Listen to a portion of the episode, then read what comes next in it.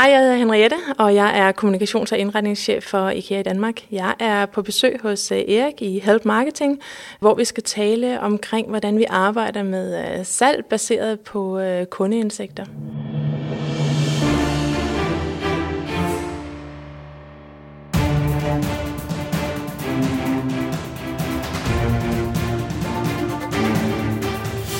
Det her er Help Marketing podcasten, lavet for dig, der arbejder med digital marketing, salg og ledelse, og som gerne vil opnå succes ved at hjælpe andre. Jeg hedder Xings, og Help Marketing producerer sin virksomhed, som hedder Nokmal. I dag er det afsnit nummer 208, og det er Henriette Ekholm, som er på besøg. Fokuset med Help Marketing er, at vi skal blive bedre til at hjælpe hinanden, fordi det er den absolut bedste måde at skabe succes for sig selv, men også for andre på, baseret på værdifulde relationer. Men inden vi skal nogen som helst steder videre, så lige et hurtigt shout-out til Rikke Møller fra Handwritten Kisses, øh, en blog, øh, og der bloggede hun om, at hun lytter til Help Marketing podcasten, og det er jeg jo super glad for, Rikke. Øh, det her, det er ikke håndskrevet, men det er en podcast udtalt kys til dig, Rikke. Tak fordi du er med. Og øh, hvis du har lyst til at læse med på uh, Handwritten Kisses, så er det handwrittenkisses.blogspot.com, du kan lytte med på. Anyway, jeg er i uh, Spanien på uh, Calviso, det er en øh, øh sådan kæmpe, kæmpe gammeldags øh, hvad skal man sige, sten, ikke hytte, fordi der er plads til 20-25 mand. Øh, og det er øh, Workaway, som jeg er afsted med, øh, cirka 20 andre øh, typer fra, fra Danmark. Øh, nogle af dem har vi mødt på øh, Help Marketing, Anna Kring, som vi talte med billeder, eller tager billeder om, og øh, Halvdan Tim, som også har været på, øh, på podcasten. Så der er nogle, øh, som vi kender, med, der er også masser af folk, som jeg ikke har mødt før.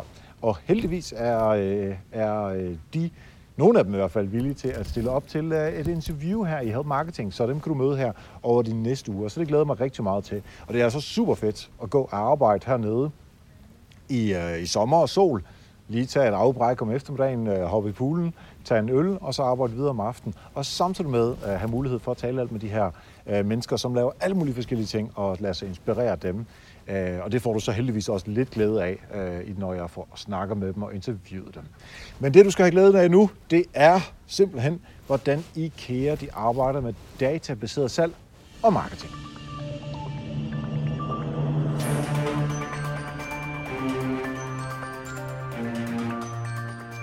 Yes, så sidder jeg her sammen med Henriette Ekholm, som er kommunikations- og indretningschef hos uh, IKEA Danmark, og vi sidder i Help Marketing hovedkvarteret i hjertet af København.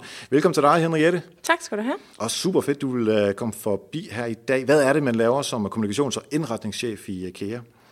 Jamen, øh, det er egentlig et ret bredt job. Det gælder både om at få indrettet vores øh, varehus, men det gælder også om at prøve at få skabt en øh, visuel rød tråd gennem alle de kanaler, vi har, øh, lige fra det digitale til den endelige kundeoplevelse.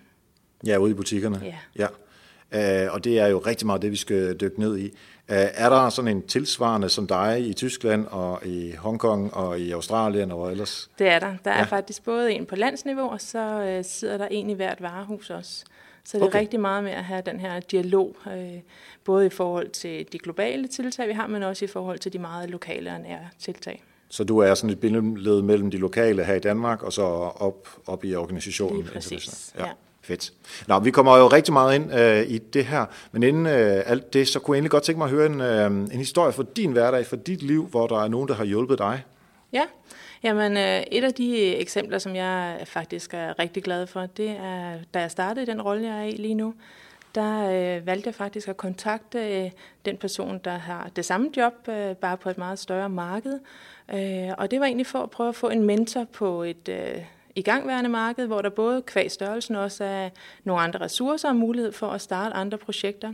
Og hun har faktisk været øh, rigtig god til at invitere mig med øh, ned i nogle af de dialoger, hun har, og være med i nogle af de samarbejdspartnere. Og det, øh, det har jeg fået rigtig stor gavn af. Noget af det vigtigste, det har lært mig, det er, at øh, det kan være en god idé at allerede øh, involvere andre i startfasen og dele de her projekter, man er i gang med. Både for ens egen skyld, så man får den her sparring på ens eget projekt, men også for at få sat andre i gang med nogle tanker, der kan viderebygge på de opgaver, man er i gang med. Ja, og især når det så er i organisationer, og cirka i hos jeres, men generelt i alle organisationer er du altid en lille bitte kamp om nogle ting, og måske har man ikke lige lyst til at vise, at man lavede en fejl engang og sådan noget. Og så er det jo fedt, at øh, man bliver inviteret indenfor. Ja, jeg tror, der er rigtig mange øh, opgaver, som egentlig ikke rigtig kommer videre, fordi at det ikke blev en succes fra starten af, men som mm. egentlig havde et fantastisk potentiale. Ja. og det tror jeg, man kan få frem på øh, den her måde ved at dele sin viden ja. og involvere andre. Så er det i hvert fald øh, en, øh, et opråb derude til at øh, hjælpe dem, der kommer til, og hvis du kommer til, så øh, spørg nogle af de andre. Det kan man jo komme øh, godt med. Ja. Øhm, vi skal tale om marketing og salgbaseret kundeindsigt. Nu har jeg prøvet at hæve likstallet så meget som muligt for, for det til at lyde smart. Men altså, det handler om at altså, forstå kunderne derude, og det synes jeg personligt, når jeg er i IKEA, og, og den kommunikation, jeg får fra jer, at uh, det føles som om, I er sindssygt dygtige til. Øh, så derfor er jeg også super glad for, at, øh, at du øh, vil dele lidt af den her indsigt sammen med os, hvordan I gør. Og jeg tænker måske, det kunne være meget godt lige at starte med bare nogle basic facts, som vi lige ved, hvad størrelse vi taler på om. Så altså, hvor mange mennesker er der typisk igennem et varehus i løbet af en, en dag, uge, måned? Det er rigtig svært at give sådan et øh, typisk øh, antal, fordi dels så varierer det fra varehus til varehus, og det varierer selvfølgelig også øh, på den enkelte ugedag. Men uh, vi kan sige, at i løbet af et år, så har vi uh, lige knap 11 millioner besøgende i de fem varehus. Samlet set? Ja. Okay. Øh, så på en travl weekenddag, jamen, der er det ikke utænkeligt, at man når op på et sted mellem 8 og 12.000 besøgende. Hold op, ja. ja. Øh, og tilsvarende, vi skal have det digitale aspekt med også, så hvordan øh, ser det ud med jeres hjemmeside? Jamen, der har vi 34.000 øh, nej, 34,4 millioner besøgende ja. øh, om året. Hold op, ja. Så det er altså rigtig, rigtig mange, og her taler vi udelukkende Danmark, ikke? Jo, det gør ja, vi. Yes. Det gør vi. Uh, og det er jo nogen, som man på en eller anden måde tager de 34 millioner, og så skal man have dem uh, over i varehusene, eller til at købe online selvfølgelig. Ja. Uh, og det, der, jeg tænker jo i hvert fald, der må være noget med at dele dem op i nogle segmenter og målgrupper. Det er der selvfølgelig også. Vi har selvfølgelig vores primære målgruppe, men øh, det er rigtig vigtigt for os, at vi går helt ned i segmentet, så vi virkelig afspejler vores øh, lokalområde 100 procent. Øh, og der er det sådan så, at vi selvfølgelig i markedsføringstiltag, der kigger vi på Danmark-niveau, men når vi laver udstillinger i varehusene, så kræver det faktisk, at de kan afspejle lokalmarkedet med hensyn til, hvem der bor der, deres livssituationer og så videre, så videre, økonomi og alle demografiske forhold. Altså okay. sådan en helt forskel fra øh, Aarhus til, øh, hvor den ligger hen? Er det Gentofte? Nej. Ja, der er også i Gentofte. Er det Gentofte? Ja, ja okay. Og så i Høje Torstrup, tror jeg. Ja. Er der også noget i Odense? Odense og Aalborg. Ja, ja okay. Så der er simpelthen øh, forståelse af, hvad det er for nogle kunder, som kommer ind de forskellige geografiske steder. Det er der. Øh, og vi kigger jo selvfølgelig både på økonomi og øh, boligforhold. Hvor mange kvadratmeter bor man på? Er det ejebolig, lejebolig? Hmm. Øh, hvor mange børn har man? Og ja, alle sådan nogle ting og så sammensætter vi egentlig vores øh, udstillingsudbud øh, efter det. Så vi laver sådan en hel matrix, der viser alle de udstillingstiltag, vi har, og så, øh, så får vi det tilrettet, så vi fuldstændig afspejler lokalområdet. Ja. Er det så altså baseret på sådan nogle øh, konsumdata, eller sådan, du ved, sådan nogle demografiske data, om, som du lige nævnte, men er der også noget indsigt i, hvor, hvor I spørger øh, brugerne? Det er begge dele. Mm. Øh, først og fremmest så tager vi jo de data, vi kan få. Øh, men ellers så øh, laver vi faktisk fra IKEAs side en global undersøgelse hvert år. Øh, og den bliver lavet i 22 lande. Og øh, der har vi været så heldige de sidste to år, der har vi været mulighed, eller har haft mulighed for at være med som land også.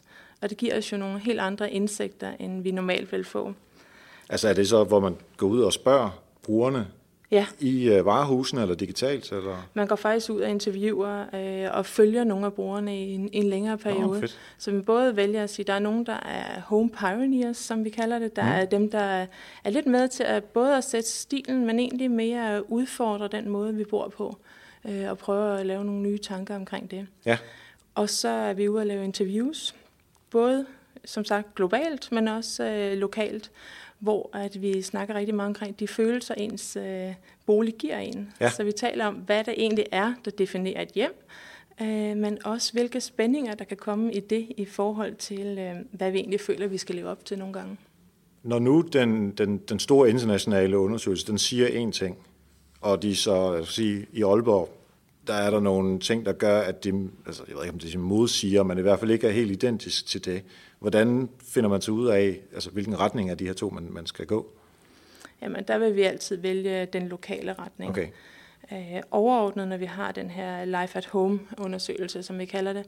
Det er der, den internationale? Det er den internationale, ja. Der, øh, på global plan, så er der 21.000 respondenter mm-hmm. i de her 22 lande. Og når vi så når til Danmarks niveau, så er vi faktisk ude og snakke med 1.200 kunder. eller ikke bare kunder, besøgende, hmm. gæster.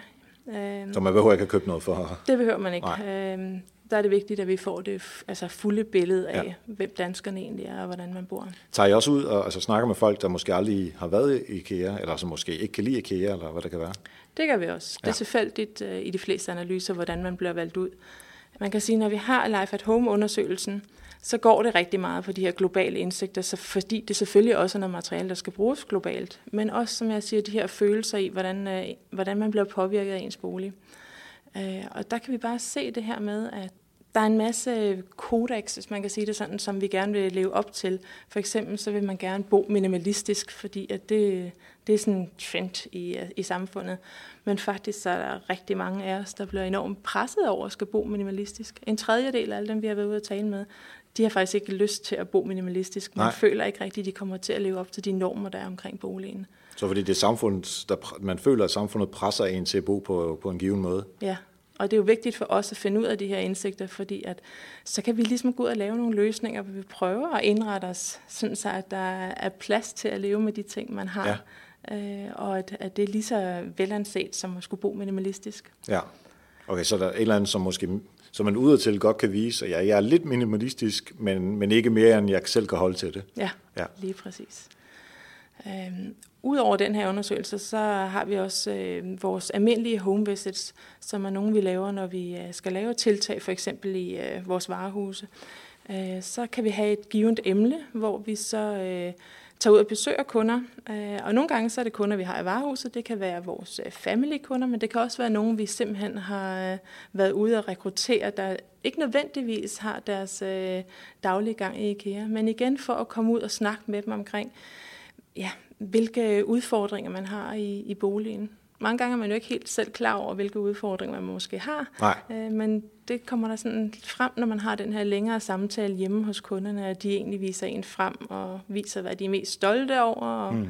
hvad der nogle gange også kan være lidt svært. Ja som en, der arbejder i Bolius, så har jeg hørt, det der er rigtig meget, at, uh, at vi skal have den her ting, der kan løse et eller andet problem, og så finder man faktisk ud af, problemet, uh, eller altså, løsningen er en helt anden uh, for det problem, man egentlig har. Ja. Hvad med, altså family-kunder, det, det er dem, som er, uh, har en profil, eller hvad hedder det hos jer? Ja, det er ja, det. Det er altså, vores uh, loyalitetsklub. Ja, præcis. Så de kender jeg godt, og så tager jeg også og snakker med nogen, som ikke kender jeg godt, fordi I vil også gerne have indsigt i folk, som ja, ja. ikke er uh, ja. lojale på den måde. Så I kommer ud til øh, folk, stiller dem de spørgsmål, som I nu engang har, og så skal den viden jo på en eller anden måde laves om til markedsføring, laves om til øh, indretning. Det synes jeg altid er, er, er det sværeste, så tage noget indsigt, noget data, og så lave det om til noget, nogle tiltag. Ja, og det er det selvfølgelig også, og der er det vigtigt for os at få samlet alle de her data sammen, øh, både fra lokalområderne, men jo også få kigget på det i forhold til det enkelte varehus og så ligesom få lavet nogle øh, findings, som vi synes er det mest centrale. Det kan være, at øh, vi konkluderer, at det er rigtig svært at indrette sig med lys, eller at mange de har meget mere tøj, end vi lige regner med. Og så er det jo sådan nogle indsigter, vi tager med, øh, når vi så skal lave øh, vores udstillinger. Eller vores markedsføring, i den, eller for den sags skyld også. Ja, ja. Så hvis, lad os nu uh, gå ud fra, bare for at tage dit eksempel med, at folk, der har mere tøj, end I måske lige gik og troede, mm Øh, vil I så gå ind og ændre på, øh, altså alle kender IKEA, eller har været derinde, øh, i, i den indretning, at man siger, så sætter vi nogle flere skabe, eller nogle flere af de der plastikboks, eller hvad de nu har produkter. Altså sætter noget mere af det ind, for ligesom at øh, understøtte det. Eller hvordan, altså, er det så fra en til en nærmest? Ja, vi i hvert fald afspejle de løsninger, som vi kan se, uh, enten kunderne har derhjemme, for vi bliver jo lige så inspireret af at være på oh, ja. uh, de her hjemmebesøg, som at uh, kunderne nogle gange også bliver inspireret af de samtaler, vi har.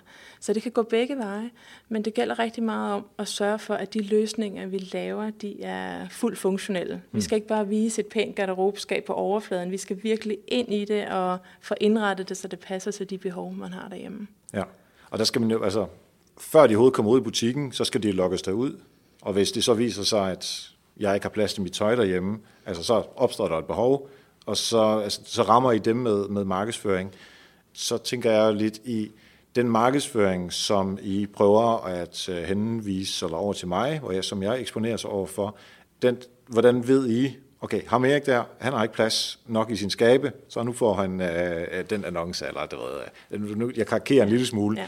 Men når man så kommer over i butikken, eller varehuset, så skal jeg også have den samme, så det er det, der er vigtigt for mig, og ikke øh, de nye sofaer eller et eller andet, som måske ikke er så vigtigt for mig. Altså, hvordan, hvordan kan man lave den kobling? Ja, det kan man godt. Vi prøver både at koble øh, selvfølgelig ud fra de livssituationer, de målgrupper, vi ser, øh, og også ud fra de forskellige øh, stilarter, vi arbejder med.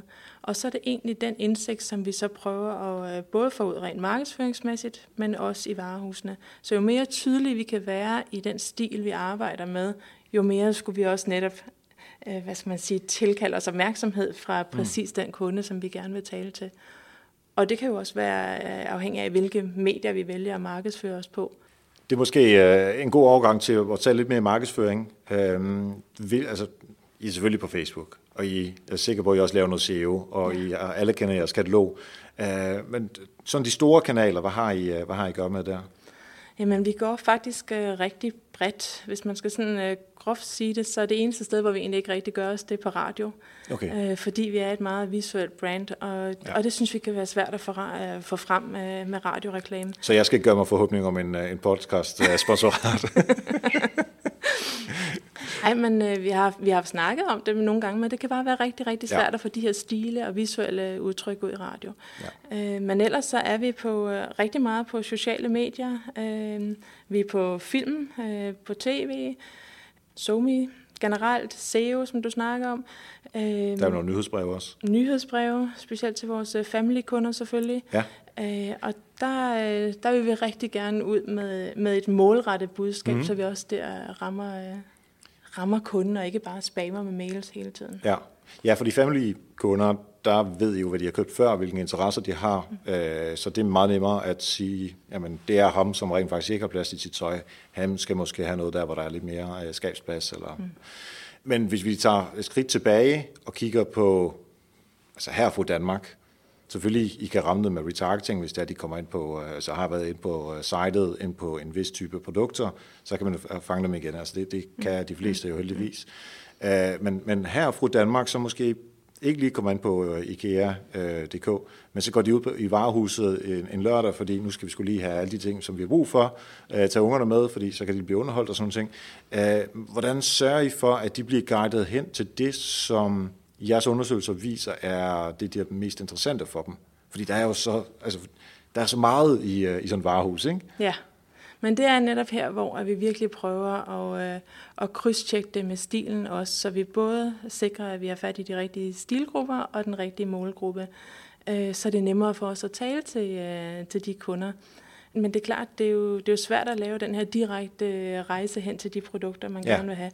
Men jeg vil sige, der hvor det egentlig fungerer rigtig godt for os, det er, hvor vi virkelig får lavet de her områder, hvor at, øh, det bare er tydeligt, at der er, der er nogle kunder, der rigtig godt kan lide det, og der er nogen, der slet ikke interesserer sig for det. Mm. Og der er det jo vigtigt, at vi har det her mix igennem hele vores udstilling, så vi tilsikrer, at vi på alle produktområder øh, rammer alle vores målgrupper. Ja. Og det er egentlig det, vi bruger den her matrix til, sådan så at vi tilsikrer, at der er noget for alle, men at vi skal have en klar og tydelig stil. Så hvis du forestiller sig, at, øh, at den her person, som, nu tager vi bare det med skabspladsen igen, øh, sige, en, en børnefamilie, der er, er gode grunde, øh, mangler skabsplads, øh, de bor måske relativt småt, fordi at de ikke lige øh, får flyttet ud af byen endnu, de har fået de to små der, ikke? og så øh, de kommer i IKEA øh, med børnene nærmest øh, sådan i, øh, for en bryststed, og altså, du, du, får, du kan forestille dig det. Øh, det er den ene kundegruppe, der kommer ind. Og så har vi nogen, som, øh, lad os sige, øh, børn er flyttet hjemmefra, de er lige ved der, hvor pensionsalderen også begynder at være interessant og sådan noget. Øh, altså det er bare øh, farmor. Ja. Og det andet, der er det farmor og børn. Øh, og de kommer ind samtidig. Hvordan sørger man for, at... Altså fordi det er samme vej, men det er samme trappe, man skal op af. Mm. Men er det så, fanger man dem så i, i, i designet senere hen, hvor der er nogle af dem, altså den første vil måske stoppe ved øh, køkkendelen, hvor man kan købe, eller rettere sagt tage øh, tallerkenerne og de der ting med det samme, øh, mens de andre måske går videre og kigger på, jamen øh, det var en ny sofa, vi skulle have, fordi der er også et behov mm. inde i det her. Altså, det kan også være det mig, der bare tænker, kan vi ikke bare sætte dem der, fordi det er det, de er interesseret i, og det er måske lidt for svært, ikke? Ja, det er det jo. Øhm Vi vil gerne, vi ved jo godt, at uh, tid det bliver en vigtig faktor for ja. alle vores kunder, ja. så derfor vil vi også gerne gøre det muligt at komme hurtigt hen til de varer, man egentlig uh, er i markedet for. Mm. Og vores købsprocesser inden for boligindretning, i hvert fald de områder, vi arbejder med, de er jo meget forskellige, hvor noget af det er det her korte impulskøb, og andre ting, der er det virkelig et planlagt køb, hvor du har undersøgt markedet helt til bunds, hvis du skulle have nyt køkken for eksempel. Øhm, og der vil vi gerne gøre det nemt for kunderne at komme direkte til de områder, de har brug for. Og når de så er i de områder, så er det så her, hvor vi går ind og arbejder med udtryk og livssituationer og stilgrupper. Så når man først er kommet til køkkenafdelingen, så skulle der gerne være nogle inspirationsmiljøer, som appellerer meget mere til dig end, øh, end andre, mm. så vi på den måde får kunden det rigtige sted hen. Ja, fordi du, du ved, at nu bor jeg ikke igen så ofte, men nu, lad, lad os sige, at det var der, at jeg tog IKEA, når jeg gør det, mm. modsat Aalborg, hvor der måske var nogle andre interesser. Altså, jeg synes, det er fascinerende, det der med at få lidt folk igennem sådan en butik, øh, og, og hvis man, altså, jeg tror, der har været lidt kritik en gang imellem om, at man skulle hele butikken igennem, og der er de blå øh, og gule piler og sådan noget. Ikke? Øh, men jeg synes, du snakker lidt om, at der også er nogle genveje. Ja, altså for, for år tilbage, så ville vi selvfølgelig rigtig gerne have kunderne hele vejen rundt, og det vil vi da stadigvæk gerne. Men øh, den måde, man handler på i dag, er bare ikke til at tvinge folk Nej. hele vejen rundt. Og, og det har vi åbnet meget mere op for. Så i dag så gælder det faktisk for os om at lave så tydelig en kunde guide, så man kan springe øh, en del afdelinger over og benytte sig af smutvejene og komme direkte derhen, hvor man gerne vil. Øh, og så stadigvæk blive inspireret. Ja. Så har vi selvfølgelig også kunder, som slet ikke den dag har tid til at gå ind i varehuset, og så prøver vi at tilrette nogle af vores servicer til det, så at man også kan bestille online og komme til varehuset og hente ordren mm. eller få leveret derhjemme. Ja. Så jeg synes, de sidste par år, der har vi arbejdet rigtig meget med at, at få tilrettet den her servicepakke, så at, at købet bliver nemt øh, for kunden, uanset hvilken, øh, ja, hvilken situation man står i med hensyn til, øh, til tid og, og hvad man egentlig gerne vil med sit varehusbesøg den dag. Ja. Hvis vi skal tage den digitale del, udover jeres family-medlemmer, er der, kan, I, kan I fange folk bagefter, de har været i, uh, i jeres uh, varehus, med en eller anden form for budskab? Altså, øhm, der bruger vi jo social media, kan man sige, til os og, og løbende give budskaber inden for forskellige køb. Øhm, men det er ikke noget, vi bruger meget at gøre det bagefter. Kan man, kan man, lave, øh, altså man kan jo lave annonceringer om folk, der har været i det der område. Mm. Er, det, er det noget, som I arbejder med, ved du det? Nej, det er det ikke. Nej. Det er det ikke. Okay. Ja, fordi det er lidt svært, fordi hvis du ikke har en permission, så kan du ikke få fat i folk. Nej. Uh, og vi kan jo ikke lave retargeting ud i virkeligheden Nej. endnu. Det kan være, det kommer på et tidspunkt, ja. uh, men den tid, den glæde. Altså det vi kan sige, men det går ikke på den enkelte kunde, men vi gør rigtig meget ud af at uh, selvfølgelig holde øje med, hvordan kunderne bevæger sig rundt ja. i varehuset, mm. og også se, jamen, hvad er det for nogle typer, der går ind i de forskellige udstillingsmiljøer, for selvfølgelig at se, om vi rammer rigtigt. Og det er jo også en måde at gå i dialog med kunden på, virkelig at gå ud og spørge, jamen, vi kan se, du er den her målgruppe, og det er faktisk øh, din målgruppe, vi har prøvet at lave det her inspirationsmiljø til. Hvordan virker det på dig? Er der nogle ting, som du savner, og, og sådan nogle ting? Ja. Altså, der tror jeg på, at man kan nå rigtig langt ved at have den her direkte dialog med kunderne, og faktisk uh, bede dem om at give noget feedback på det, man ja. laver nogle gange. Jamen, det, er, det er jo helt øh, det er absurd at tale med kunderne, ikke? Ej, det, altså, det giver os rigtig god mening, øh, at det ikke kun er en gang om året, hvor I, hvor I laver den der undersøgelse, som du talte om før, men også lige gå ind og tjekke, hvordan, hvordan forholder I egentlig til, til de her ting. Ja. Øh, hvad med sådan noget som øh, øh, produktsalg? Altså, der må jo være nogle topsælgere, og der vil være nogle på jeres produkter, som måske ikke sælger så godt. Ja. Øh, og så er der selvfølgelig også noget omkring, hvor mange penge tjener I, altså marken på, mm. på de forskellige ting. Øh, er det noget, som går ind og påvirker, hvordan indretningen er? Vi prøver generelt, hvis vi så snakker vores showroom, altså møbeludstillingen, så er det vigtigt for os at lave øh, inspirationsmiljøer, som rammer forskellige øh, ja, igen forskellige målgrupper og selvfølgelig også forskellige øh, økonomiske aspekter. Øh, så der blander vi egentlig produkterne sådan så, at, øh, at det passer til målgruppen. Men det er klart, at når vi arbejder med boligtilbehør og andre produkter, så arbejder vi også på at, at vise varerne funktionelt, men selvfølgelig også på en måde, sådan så at man kan sælge op. Så det er tydeligt for kunden også, efter hvilken økonomi man kommer med, og finde det rigtige produkt. Mm. Og så få kommunikeret flere fordele på, i takt med, at produktet eventuelt bliver, bliver dyrere. Ja. Men det er vigtigt for os, at, øh, at der er produkter ligesom til, til enhver penge på. Ja. Um, altså hvis man er en e-shop, så viser man selvfølgelig det frem, som man ved sælger bedst. øh, men ikke kun det ene produkt, fordi øh, det kunne jo være, at det ene produkt øh, kun sælger godt, fordi det er billigt, og man ikke har noget mm. marken på det, og så skal man sælge nogle andre produkter. Altså ligesom koldskålen, som er på tilbud, og så, så kammerjunkerne ved siden af, der ikke ja. er på tilbud. Ikke? Ja. Altså, er det, det er også nogle tanker, har I, er det nogle tanker, som er med i jeres indretning også? Det er det helt sikkert. Ja. Altså, vi vil jo også arbejde med, at øh, hvis vi har et meget billigt produkt, så vil vi placere øh, produktet ved siden af, som har nogle flere enten produktfordele eller lige er nummeret højere i mm. kvalitet, øh, så vi på den måde kan guide kunden videre. Ja, okay.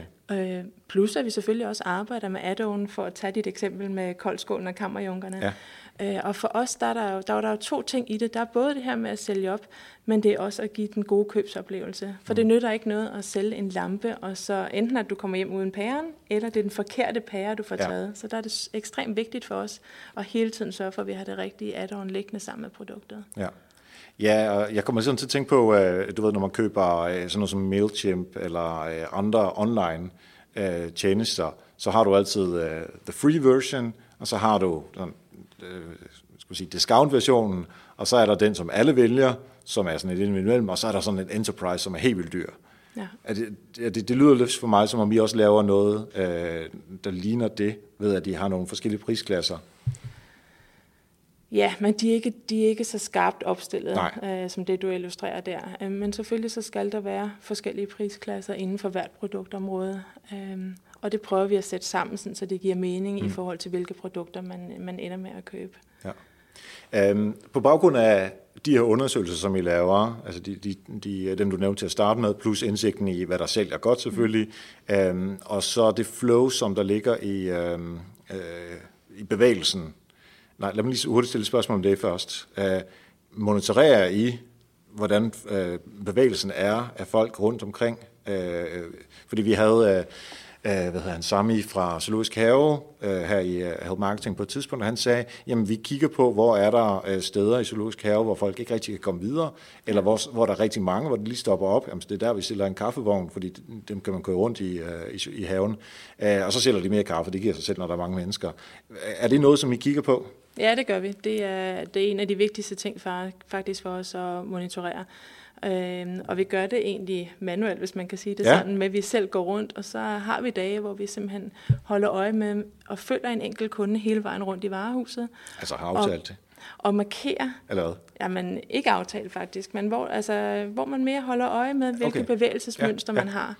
Øh, og det har egentlig ikke noget med, med den enkelte købsproces som sådan at gøre. Man vil bare gerne se, jamen, hvad er det for nogle områder, som er kolde, og hvad er det for nogle områder, der er varme. Ja. Og det er klart, når vi så har et billede af, hvilke områder, der er kolde, så er det jo dem, vi går ind og, og laver om. Ja, og det er fedt. Altså det, det, det svarer jo nærmest til uh, Google Analytics, hvor man går ind og ser på, hvilke flow der er af, af, af trafikken, og så gør I det bare ud i ja. den, uh, den virkelige verden. Og vi sætter faktisk også et mål for vores udstilling. Nogle gange så kan vi godt tage en beslutning, uh, hvis vi har tre inspirationsmiljøer, at de to af dem, de har måske et salgsmål for at, at nå det mål, de skal. Mm. Men det tredje kan være, at der har vi sagt, at her der vil vi bare gerne være markant anderledes med en stil, så der er det mere antallet af besøgende, der går der ind, der ja. er målet. Ja, okay. Så ved vi måske godt, at herinde, det her rum, det, det kommer ikke til at sælge en masse produkter.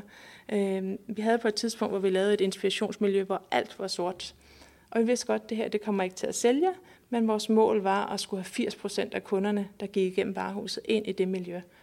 Så, så vi kan jo bruge det på forskellige ja, okay. måder. Ja. Ja, fordi det er måske lidt tidligere i købsfasen, altså hvor, hvor det er sådan lidt mere, oh, okay, fedt, IKEA tør faktisk også godt lave nogle lidt mere crazy uh, ting, så det ikke ja. kun er det, som man måske uh, kender uh, IKEA for.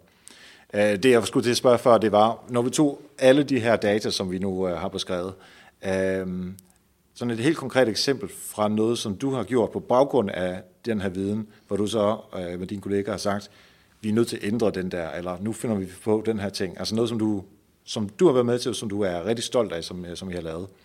Ja, øh, jamen det, det, der kan jo være to forskellige dele i det. Der kan jo både være det her, når vi snakker selve inspirationsuniverset, øh, og der, øh, der har vi faktisk øh, på et tidspunkt kigget rigtig meget ind på studieboliger, og set, hvad det er, man går på kompromis med, når man egentlig bor i en studiebolig. Og der på et tidspunkt, der samlede vi alle de her indsigter og øh, indrettede et, øh, et komplet hjem, hvis man kan sige det sådan, på 11 kvadratmeter. Det eneste, der egentlig manglede, det var toilettet og badet, mm. men ellers så havde man alt andet opbevaring og køkken og ja, Og det minder mig om, da jeg var 22 eller sådan noget. ja. Så nogle af de der indsigter, virkelig ja. øh, hive den viden ind, og så prøve at omsætte det til noget visuelt, sådan så at vi mm. giver kunderne idéer med hjem.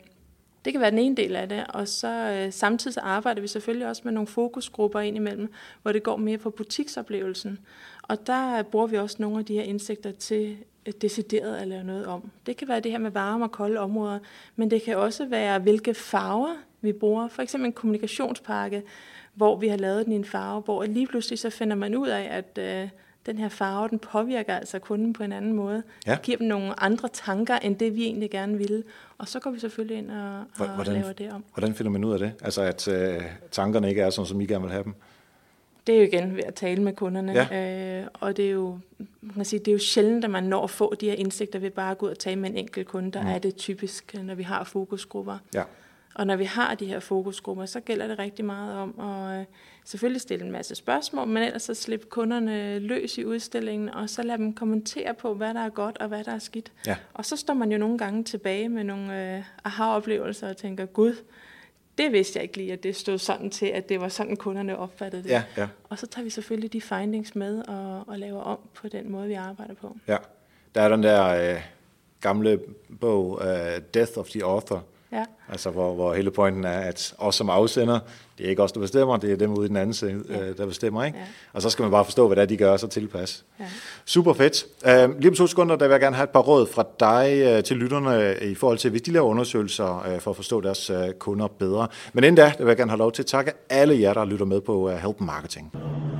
Og hvis du har på nogen som helst måde overskud til at give lidt tilbage, jamen så vil en anbefaling på iTunes være super fedt. Du åbner bare din iTunes-app, Øh, eller din Google øhm, Podcast-app, eller din øh, Apple Podcast-app, hvad du nu lytter til, og simpelthen giver en anbefaling derinde.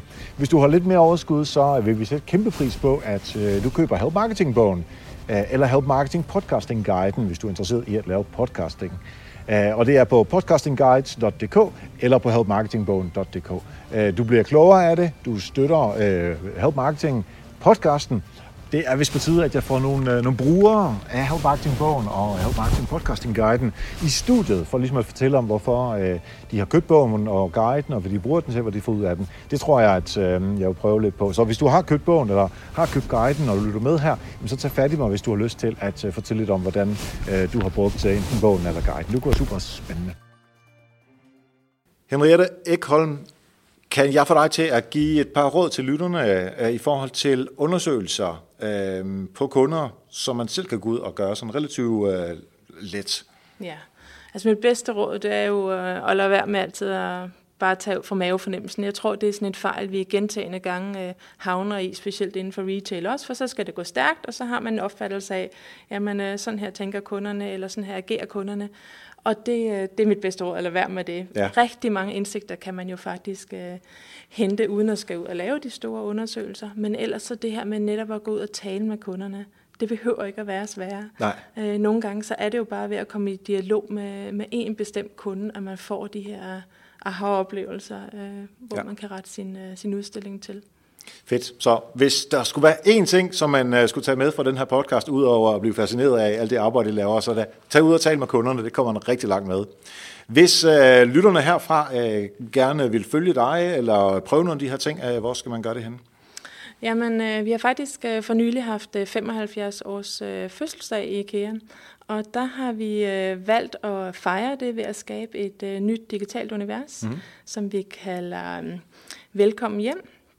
Og øh, der vil jeg da opfordre til, at man går ind og kigger. Det er den spæde opstartsfase ja. lige nu, men øh, vi kommer til at starte dialogen med danskerne om, hvad, hvad der definerer et hjem, og, øh, og hvad der gør det til netop vores hjem. Ja. Så øh, følg med der det næste års tid og se, hvad der kommer til at ske der. Så kan man selv prøve at være kunde, og så se, kan det være, at man kunne uh, kopiere nogle af jeres uh, tiltag uh, over i ens egen butik. Lige præcis, men det er på ikeavelkommenhjem.dk. Fedt. Mange tak, fordi du gjorde os klogere, og øh, du har lovet, at du kommer med i et øh, senere afsnit og taler meget mere om varehusene, så det glæder vi os, os allerede til. Jamen øh, selv tak, det var spændende. Og mange tak til Henriette. Det er så fedt, at en stor virksomhed som, uh, som IKEA simpelthen åbner op på, hvordan de arbejder. Det er altså rigtig mange corporate uh, kæmpe virksomheder, som slet ikke tør. Så uh, super fedt med Henriette. Og hun kommer altså tilbage om inden for uh, nogle uger og taler meget mere konkret om, hvad de gør ud i uh, butikkerne i forhold til den markedsføring, de har. Så nu har vi taget det store billede, og så på et tidspunkt, så kommer hun tilbage og taler det lidt mere konkrete. Hvis du ikke fik alt med, så kan du finde det på helpmarketing.dk, fordi Katrine Louise Nielsen fra Calling Copyright, hun har simpelthen skrevet noter til alt, hvad der er blevet snakket om her, alle de vigtige ting, og det kan du finde på øh, helpmarketing.dk under afsnit nummer 208. Og det hele her, det er sat sammen af Thomas Landal fra Aloha Shop. Så tak til Thomas for at redigere podcasten. Nu er det tid til Help Marketing Historie. Hvad skete der i Help Marketing podcasten for 100 uger siden? Anne Kring Skal Sørensen. Hun var på besøg, og hun er social media specialist hos øh, Bogkoncept. Og hun fortalte om, hvordan man er intern social media konsulent. Altså når man har masser af kollegaer, som også skal have bare en vis forståelse for sociale medier og bruge det en lille smule, men det er ikke deres, øh, deres primære arbejde. Så hvordan får man øh, sat succeskriterier op øh, internationalt set, hvordan man gør det, og hvordan kan man trænge igennem i resten af organisationen, fordi man har jo også kollegaer, der gerne vil alle mulige andre ting, fordi det er deres levebrød, og det de skal lave. Så det er et super fedt afsnit, og det kan du simpelthen lytte til ved bare at åbne din app, scroll tilbage til afsnit nummer 108, og så øh, hører du lige præcis alle de gode råd, som øh, øh Anne-Katrine Skald Sørensen havde i afsnit 108. Der er ikke noget efter falderæbet i dag, fordi jeg, jeg hopper sgu i poolen. Det har været en, øh, en lang dag med masser af arbejde i dag, masser af inspiration, øh, så øh, nu er det på tid til, at øh, jeg tager en lille øl, hopper i poolen, du skal øh, også videre ud i dit liv, og næste uge, der øh, høres vi selvfølgelig ved igen her i øh, Help Marketing.